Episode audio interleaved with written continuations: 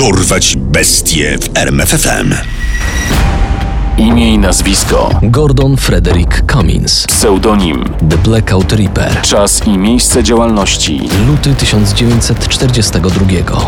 Londyn. Liczba ofiar. Co najmniej cztery. Wyrok. Kara śmierci. Zimowe wieczory 1942 roku ulice i budynki w Londynie tonęły w ciemnościach. Pełne zaciemnienie było spowodowane trwającymi nieustająco bombardowaniami stolicy Wielkiej Brytanii przez Luftwaffe. Ciemność spowijała witryny sklepów, prywatne mieszkania, fabryki i szkoły. Zapalone nocą w domu czy biurze światło mogło skutkować wysoką grzywną. Choć blackout miał utrudniać nazistom naprowadzanie ich na cele, stwarzał też dogodne warunki do rozwoju wszelkiej przestępczości. Gdy mieszkańcy chronili się po piwnicach i w schronach przeciwlotniczych, w ich domach grasowali złodzieje. A londyńskie ulice terroryzował nie tylko wróg ze zewnątrz, ale także miejscowy 28-latek. Nazywany następcą słynnego Kuby rozpruwacza, wykorzystał wojenną zawieruchę do tego, by mordować kobiety. Gordon Frederick Cummins urodził się 18 lutego 1914 roku w New Earswick na północ od Yorku. O jego dzieciństwie niewiele wiadomo, poza tym, że pochodził z tzw. Tak dobrej rodziny. On sam uważał, że jego przodkowie wywodzili się ze szlachty i płynie w nim błękitna krew. Z tego też powodu był czasem wyśmiewany przez kolegów, którzy go nazywali hrabią lub księciem.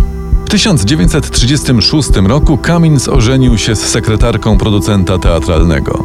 Imał się wielu prac, ale z każdej po krótkim czasie odchodził lub był zwalniany.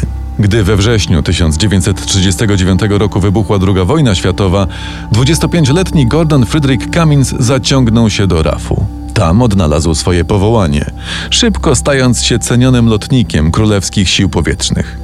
Był lubiany przez kolegów i cieszył się towarzyską popularnością, między innymi z powodu barwnych przechwałek na temat swoich rzekomych erotycznych podbojów. Po prostu wskoczyła mi do łóżka. To była trzecia dziewczyna w tamtym tygodniu. Chyba najładniejsza. A jest w ogóle taka, która ci się oparła?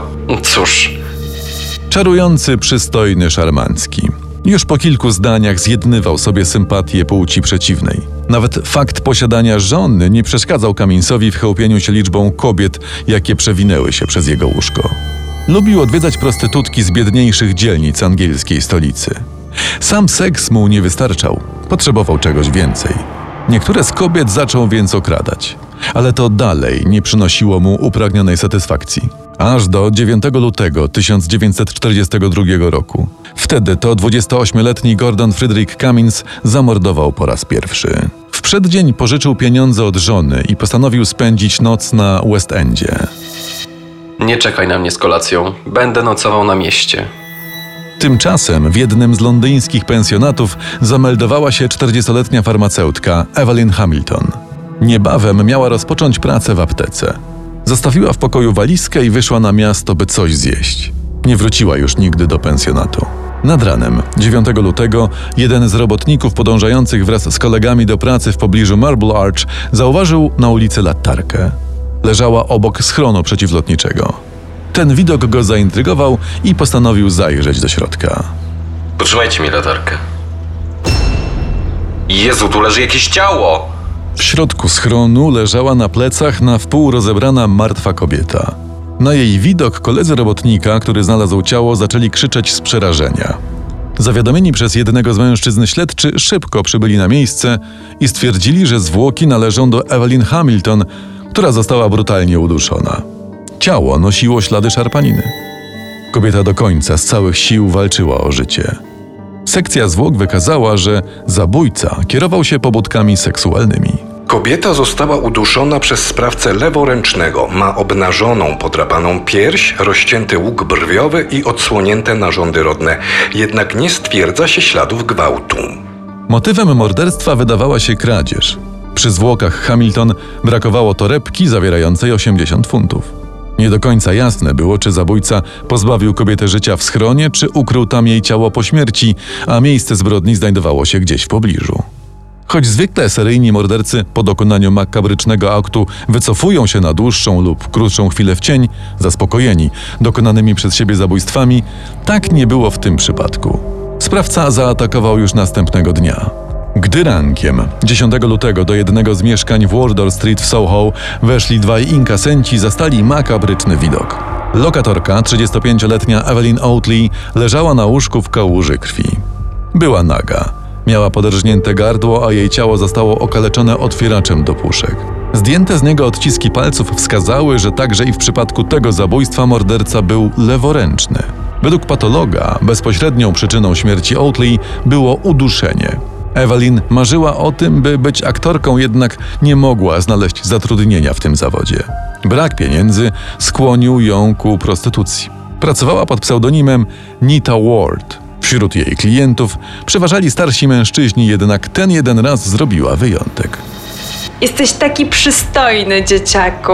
I ten twój mundur lotnika podnieca mnie. Po zabójstwie Evelyn Oatley morderca długo nie próżnował.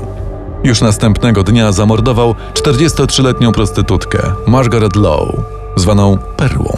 Kobieta zginęła w swoim mieszkaniu na Gosfield Street. Została uduszona jedwabnymi pończochami i pocięta nożem oraz brzytwą. Jej ciało odkryto dopiero po trzech dniach. Prowadzący sekcję zwłok patolog Bernard Spilsbury stwierdził. Te obrażenia są przerażające. No. Nigdy czegoś podobnego nie widziałem. Sprawca musi być jakimś okrutnym maniakiem seksualnym.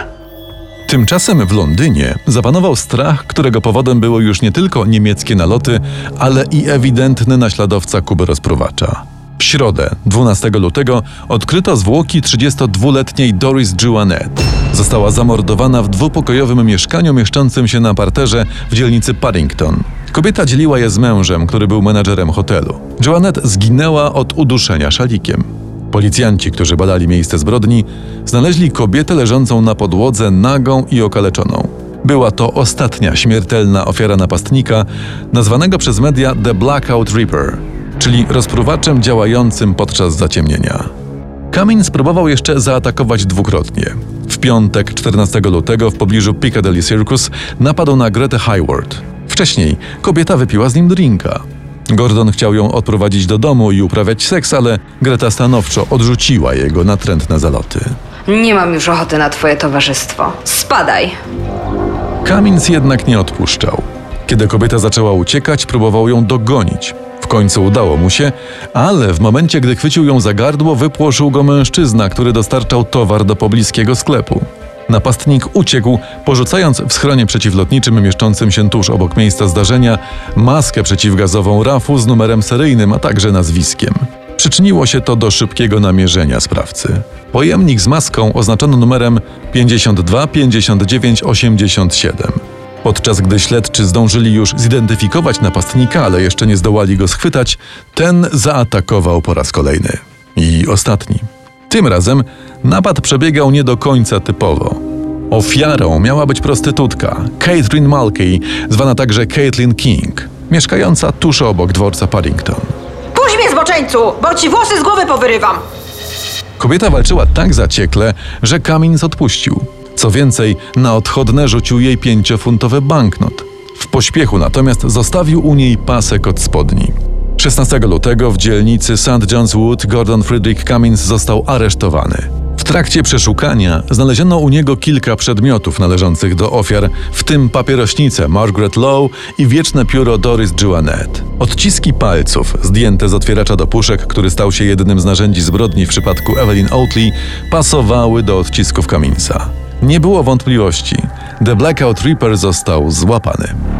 27 kwietnia 1942 roku w Old Bailey rozpoczął się proces, który potrwał zaledwie jeden dzień. Ostatecznie Gordon został oskarżony tylko o jedno morderstwo Evelyn Oatley. Już po śmierci Cummingsa Scotland Yard wydał oświadczenie, w którym twierdził, że z dużym prawdopodobieństwem morderca zabił też, oprócz czterech znanych wszystkim ofiar, jeszcze dwie inne kobiety, co miało miejsce w październiku 1941 roku. Tymczasem aresztowany w liście do żony pisał. Nie pamiętam, żebym kogoś zabił. Chyba, że w takich chwilach traciłem przytomność. Mimo, że Gordon Cummins otrzymywał, że jest niewinny, Dowody w jego sprawie były tak przytłaczające, że ława przysięgłych w zaledwie 35 minut uznała, że to on zamordował Oatley. Skazano go na śmierć przez powieszenie. Sąd wyższej instancji oddalił apelację. 25 czerwca 1942 roku Gordon Frederick Cummins został stracony w londyńskim więzieniu Wandsworth. Podczas jego egzekucji miasto było wyciemnione. Właśnie trwał kolejny nalot. Poznaj sekrety największych zbrodniarzy świata. Dorwać bestie w RMFFM.